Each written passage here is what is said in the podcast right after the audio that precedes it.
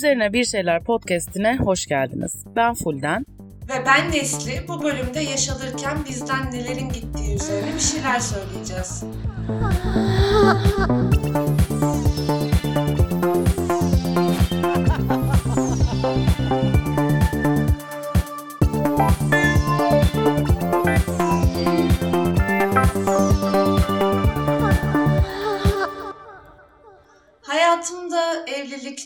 Gibi telaşlar hiç yer almadı. 20'li yaşlarını yaşayan birinden beni ayırmak zor. 10 ee, yıl önceki yaşantımla aramda da şu anda da büyük bir fark yok. 25 yaşındayken de işe gidip akşamları arkadaşlarımla buluşuyordum ya da evde dizimi izliyordum. Şimdi de çok benzer rutinlerim var. Sadece şimdi e, biraz daha fazla belki konforluyum. Aklım çok şükür biraz daha iyi çalışıyor. Ama tabii ki yaş aldım, alıyorum. İşte bedenim değişiyor, hayata bakış açım değişiyor. Hayatta yapmak istediklerim dönüşüyor.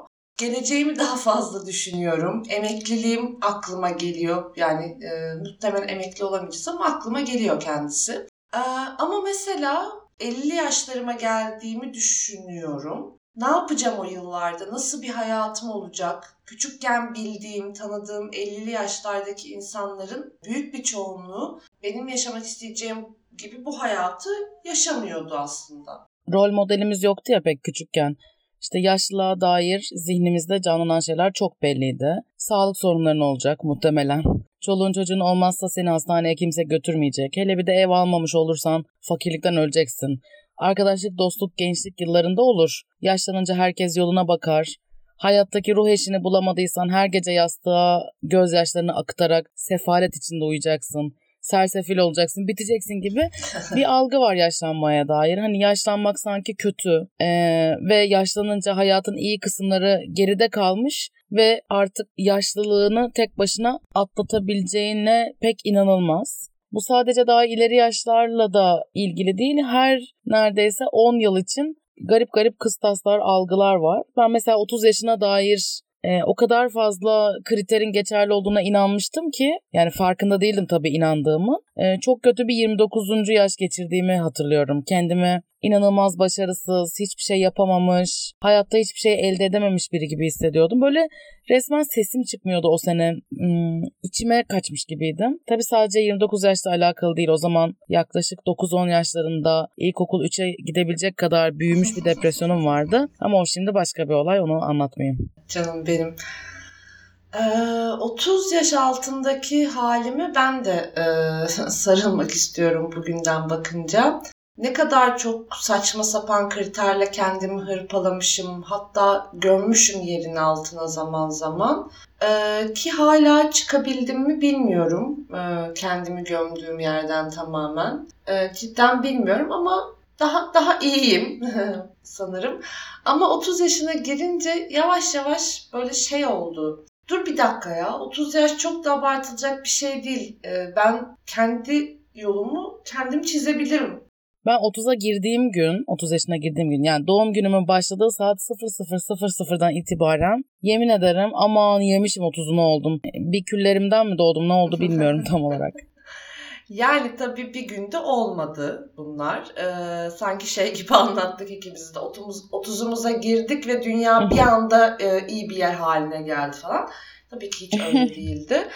Ee, sanırım 30'a yaklaştıkça e, kendimi daha az çocuk hissetmeye başladım. Bir yandan yani ailen de yaşalıyor ya onlarla olan ilişkinde de artık sadece çocuk olmuyorsun. Ee, biraz daha farklı sorumluluklar alıyorsun. Artık sadece çocuk olmadığını fark ettikçe de e, yavaş yavaş hayattaki yerini ve geleceğini sorguluyorsun. O sanırım biraz değiştiriyor bakış açını e, milli eğitim sisteminin ya da toplumun sana biçtiği rolleri e, kovalayıp kendini kanıtlamaya çalıştığın birinden sıyrılıyorsun zamanla sanırım. E, ben de 30'lu yaşlarıma yaklaşırken böyle 27-28 falan e, o dönemlerde annemi daha iyi anlamaya başladığımı fark etmiştim mesela. Annem 28 yaşındaymış ben doğduğumda.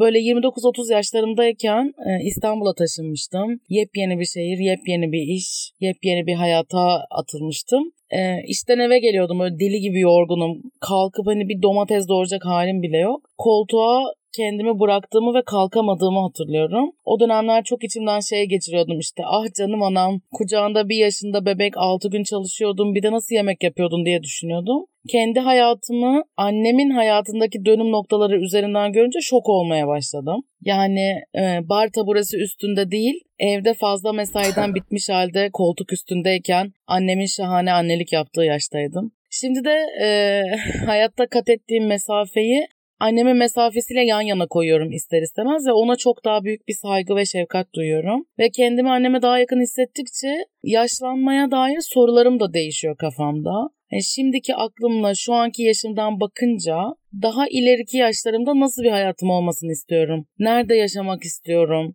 Sabah kalkınca nasıl bir rutinim olmasını istiyorum? Hala bara gidecek miyim? Yoksa kendime okey oynamaya mı vuracağım gerçekten? Mutlu olmak için neyin peşinden gideceğim? Bunları düşünmeye başladım. Geçmişte benim de aklımda sadece işte daha kaygılı, ne olacak, yaşayabilecek miyim tek başıma, hastaneye nasıl gideceğim, emekliliğim nasıl olacak gibi daha kısıtlı sorular vardı. Ya işte hepsi aslında çok daha böyle e, pratik şeyleri ifade eden e, sorularda oluyor. Yani işte hastalık, işte evde kalmak, yalnızlık falan gibi. Ve bunlar işte aklımıza geliyor yaşlılık deyince ve e, yaşlılıkla mutluluğu da çok birlikte düşünemiyoruz bir taraftan da. Kafamızdaki yaşlı algısında yaşlı dediğin işte anlamaz, bir şeyleri kaçırır, e, teknolojiyi bilmez, işte azla yetinmeli gibi cümleler var aslında birbirini takip eden. Ki bunu pandemide de gördük. Ee, 65 yaş evet, üstüne insanlık evet. dışı bir muamele yapıldı. Evde kalsın dışarı çıkmasından da çok uzun süre herkes dışarı çıkabilirken 65 yaş üstü günde 2-3 saat ve sadece kendileri için ayrılmış zamanlarda dışarı çıktı. Ya tabii şunu diyebiliriz hani pandemiyle kaç kere karşılaştık ki e, devletler ne kadar buna hazırdı ki insanları korumak için olabildiğince önlem alındı. Her şeyi harika planlamak mümkün değildi akut bir kriz vardı denebilir. Bu da bir yere kadar anlaşılır zira hiçbir ülkede mükemmel uygulamalar yoktu birçoğu ayrımcıydı. Yani pandemi gibi büyük bir krizde böyle şeylerle karşılaştığımız aslında beni şoka uğratmadı. Ee, zaten mevcut algının ve zihniyetin devamı pratikler çıkıyor kriz anlarında. İnsan en bildiği neyse onu yansıtabiliyor. Ee, ama benim kafama takılan şu oldu. 65 yaş üstünün sürekli evde kalması, yalnızlaştırılması, sosyalleşememesi bunlar bir ihtiyaçmış gibi hiç konuşulmadı kimse tarafından. Kabaca söylemek gerekirse işte 65 yaş üstü günde 2-3 saat yürüsün çıksın gelsin yeter işte. Bir arkadaşıyla buluşması, yeni bir yer görmesi mental sağlığı için de iyi olabilirdi ya. Bu sorular sadece gençler için soruldu. Gençler için düşünüldü, çocuklar için düşünüldü. İşte çocukların evde psikolojisi bozuldu, kendilerini eve kapattılar, çok kötü oldular dedi. Yaşlıların da bozuldu. Mesela yaşlılık olunca sadece işte nefes alan bir kişi var, o nefes almaya devam etsin düzeyinde bakıldığını fark ettim. Ee, ve çok rahatsız oldum bundan pandemi döneminde de. Yaşlıların mental sağlığı, ihtiyaçları, kendilerini gerçekleştirme istekleri yok gibi düşünülüyor. İşte hayatının büyük çoğunluğu bitti, artık kendi yağıyla kavrulsun diye bakılıyor. Bu hayat çizgisindeki ilerleme ve o ilerlemedeki dönüm noktalarına atfedilen özellikler çok garibime gidiyor ve çok gaddarca geliyor çoğunlukla. Bir de bizim küçükken 65 yaşa dair algımız da büyüdükçe dönüşüyor ya, dönüştü şu an.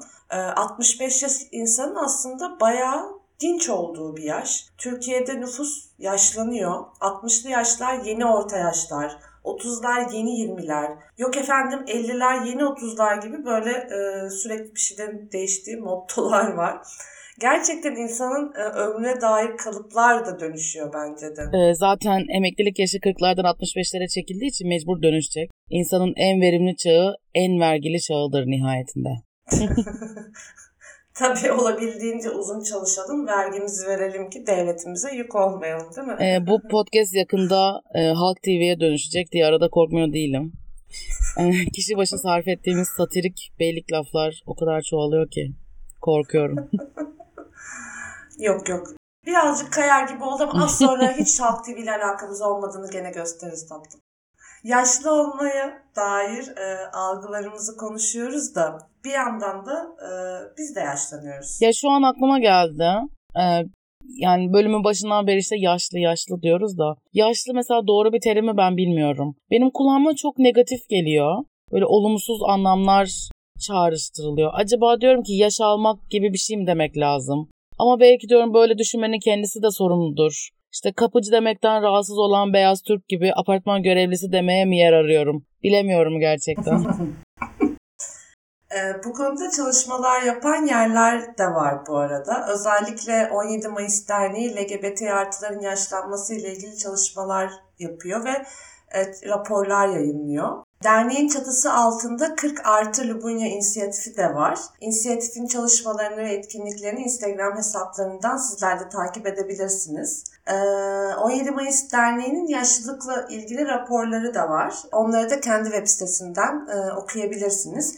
İlgilenenler olursa diye linkleri açıklamaları da eklemiş oluruz zaten. Ee, Türkiye'de özellikle açık olan ve yaşlanıp eceliyle hakkın rahmetine kavuşan LGBT artı sayısı fazla değildi maalesef. Ama LGBT artı hareketi güçlendikçe bu dönüşüyor. Daha fazla insan açılıyor, daha fazla insanı tanıyoruz. 40 yaş, 50 yaş, 60 yaş üstü LGBT artıların hikayelerini daha fazla dinleyebiliyoruz. İşte 17 Mayıs Derneği gibi derneklerin çalışmalarıyla e, bu hikayeleri tanıyoruz ve LGBT artılar yani benim tanıdığım, okuduğum, takip ettiğim kadarıyla yaşlarıyla ilgili tek bir sıfata sığmayı reddediyor genelde. Mesela en basitinden 50 yaş üstü bekar kadınlar için şey imajı vardır ya kedileriyle kafayı yemiş imajı vardır. İşte kedili evet. evdedirler hiç kimseleri yoktur. Kendilerini kedilere vermişlerdir. Çünkü kendileri için uygun birini bulamamışlardır. Aslında buna çıkıyor genelde. E, işte benim takip ettiğim 50 yaş üstü kedili e, LGBT artılar ya da kadınlar hem kedilerini mis gibi besliyorlar hem de flört ediyorlar, seviyorlar, aşık oluyorlar, ayrılıyorlar, ayrılık acısı çekiyorlar. Çok fazla story atıyorlar. Yeni işlere başlıyorlar, istifa ediyorlar, işsiz kalıyorlar. Ne bileyim hata yapıyorlar, yeniden ayağa kalkıyorlar. Bazısı ilk kez terapiye başlıyor. İşte hani gençliğe ve bekarlığa özgü görülen tüm bu şeyleri e, 40'lı, 50'li, 60'lı yaşlara kondurulamayan bir sürü deneyim yaşıyorlar tabii ki. Dediğin gibi hani belli bir yaşa atfettiğimiz belki e, özellikleri işte 40'lı, 50'li, 60'lı yaşlarda da belki farklı şekillerde de olsa ve farklı deneyimlerde de olsa tekrar tekrar yaşıyor insan. Bir de koca bir tabu olan e, cinsellik meselesi var. E, yaşları hak görülmüyor.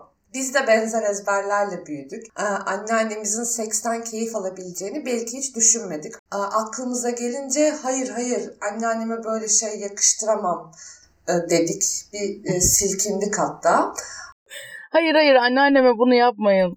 Böyle o, o, o çok tanıdık bir ses. Hayır anneanneme kimse yaklaşmasın. Artık seksi nasıl şeytanlaştırdıysak kafamızda e, masum pamuk yaşlılarımızın o pis günah işlemediğini düşündük. Hatta şuraya e, küçük bir anımı da e, iliştireyim.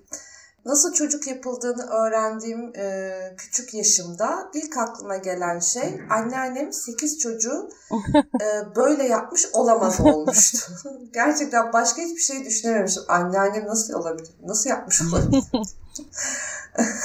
Ama e, yani bize öğretilen hiçbir şekilde doğru değil. Yani böyle düşünmüş olmam da hiçbir şekilde doğru değil o çocuk kafamla.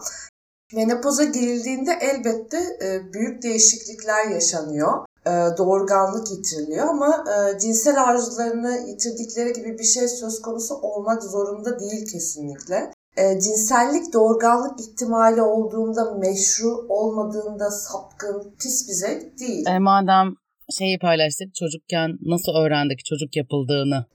Ee, benim bir arkadaşım vardı yazlıkta ve kendisi benden ya 2 ya 3 yaş büyüktü. O yüzden e, bana hayatın sırrını açıklayan, fısıldayan biriydi. E, mesela gelirdi şey yapardı. E, derdi ki bana bak eğer biriyle el ele tutuşurken parmakların iç içe geçmezse o seni sevmiyor demekmiş. Ya da biri gelip e, parmağını elinde gezdirirse avuç içinde o işte seninle sevişmek istiyor demekmiş falan gibi benim kafamı tüm mitlerle doldurdu. Ama o dönem için e, beni birkaç sınıf ileri atan bilgilerdi. Neyse bir gün evinde oturuyoruz onun bir Banu Hakan filmi izliyoruz ve Banu Hakan seks işçisi o filmde. Arabalara eğilip e, pazarlık yapıyor ve sonra işte müşterisini buluyor. Tam bu filmi izliyorduk. E, arkadaşım bana döndü şey dedi. Nasıl yapıldığını biliyor musun çocuğun? İşte aynı buradaki gibi yapılıyor dedi. Ben böyle dehşete düştüm. Yazın e, yazlıkta yürürken annemin gördüğümüz her arabaya eğilip pazarlık yapacağını düşündüğüm için kaldırımdan uzak yürümeye falan çalışıyordum. Ve annemle e, yaklaşık 3 ay boyunca küsmüştüm. Kendisi fark etmemişti. Bu birazcık daha acı olan kısmı. O filmde zaten e, seks işçiliğinin kendisi de çok aşağılanan bir şeydi ve cinselliğin kendisi de hani senin dediğin gibi sapkın pis bir zevk gibi gösterilen bir şeydi. Ben de aynı şekilde anneme yakıştıramamıştım bunu ve 3 ay e, arkadaşlığımı kendisinden mahrum bırakmıştım. Ya tabii zevk almayı neredeyse suç gibi gören bir coğrafyada nenelerimiz, annelerimiz, teyzelerimiz hayatlarında kendi cinselliklerini içlerinden gibi yaşayabiliyor mu? Ben emin değilim bundan. Bir kere de çok konuştum ama bir şey daha aklıma geldi şimdi.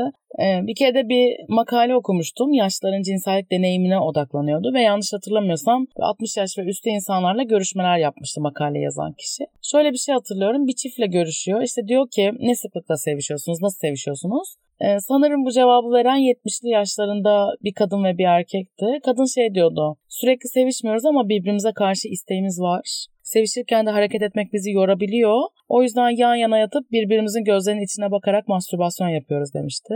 İşte gençliğimizdeki gibi değil ama bizim için çok keyifli oluyor. Ben böyle aa demiştim ya tabii böyle bir yol da var. Neden hani sevişmenin tek bir formül olsun ki illa Kırkpınar yağlı güreşleri yaşanacak diye bir şey yok. ee, o zaman ya kafamdaki yaşlı cinselliğine dair düşünceler bambaşka bir hal almıştı. Ee, çok güzel bir örnekmiş gerçekten. Ee, yani cinsellik tabii ki penetrasyondan ibaret değil. Bunu e, biliyoruz, söylüyoruz, savunuculuğunu da yapıyoruz ama bazen işte bazı konularda biz de fark etmeden ön yargılı olabiliyoruz ve böyle örnekler hepimizin kafasını açıyor. Ben de bu bölüm için araştırma yaparken 17 Mayıs Derneği'nin 2020'de yayınladığı Yaşlı LGBT artılar Türkiye'deki ve dünyadaki durum raporunda bir kampanyaya denk geldim. İsmi Age is not a condom. Ee, yaş prezervatif değildir gibi çevrilebilir herhalde. Ee, bana fazlasıyla yaratıcı geldi bu isim. ABD'de HIV pozitif ve AIDS üzerine araştırmalar yapan bir örgütün sosyal medya kampanyasıymış bu. Amacı da aslında az önce bahsettiğimiz gibi yaşlıların cinsel hayatı olmadığı ön yargısıyla mücadele ederek onların cinsel yolla bulaşan hastalıklara karşı farkındalık oluşturmalarını sağlamak. Bunu da cinsel yönelim ve cinsiyet kimliği gözetmeden yapmışlar. Cidden çok hoşuma gitti bu kampanya. Sona doğru bir sıkıştırayım araya dedim bu örneği de. Ee, güzel bir örnekmiş ve neden bu isim benim aklıma gelmedi diye kendimi yırtacağım bir kampanya ismiymiş. ee, o zaman e, bizden bu haftalık bu kadar. Haftaya çarşamba 29. bölümümüzü yayınlayacağız. Yeni bölümde de LGBT artı ve kadın bakışıyla hayatın her alanı üzerine bir şeyler söylemeye devam edeceğiz. Görüşürüz.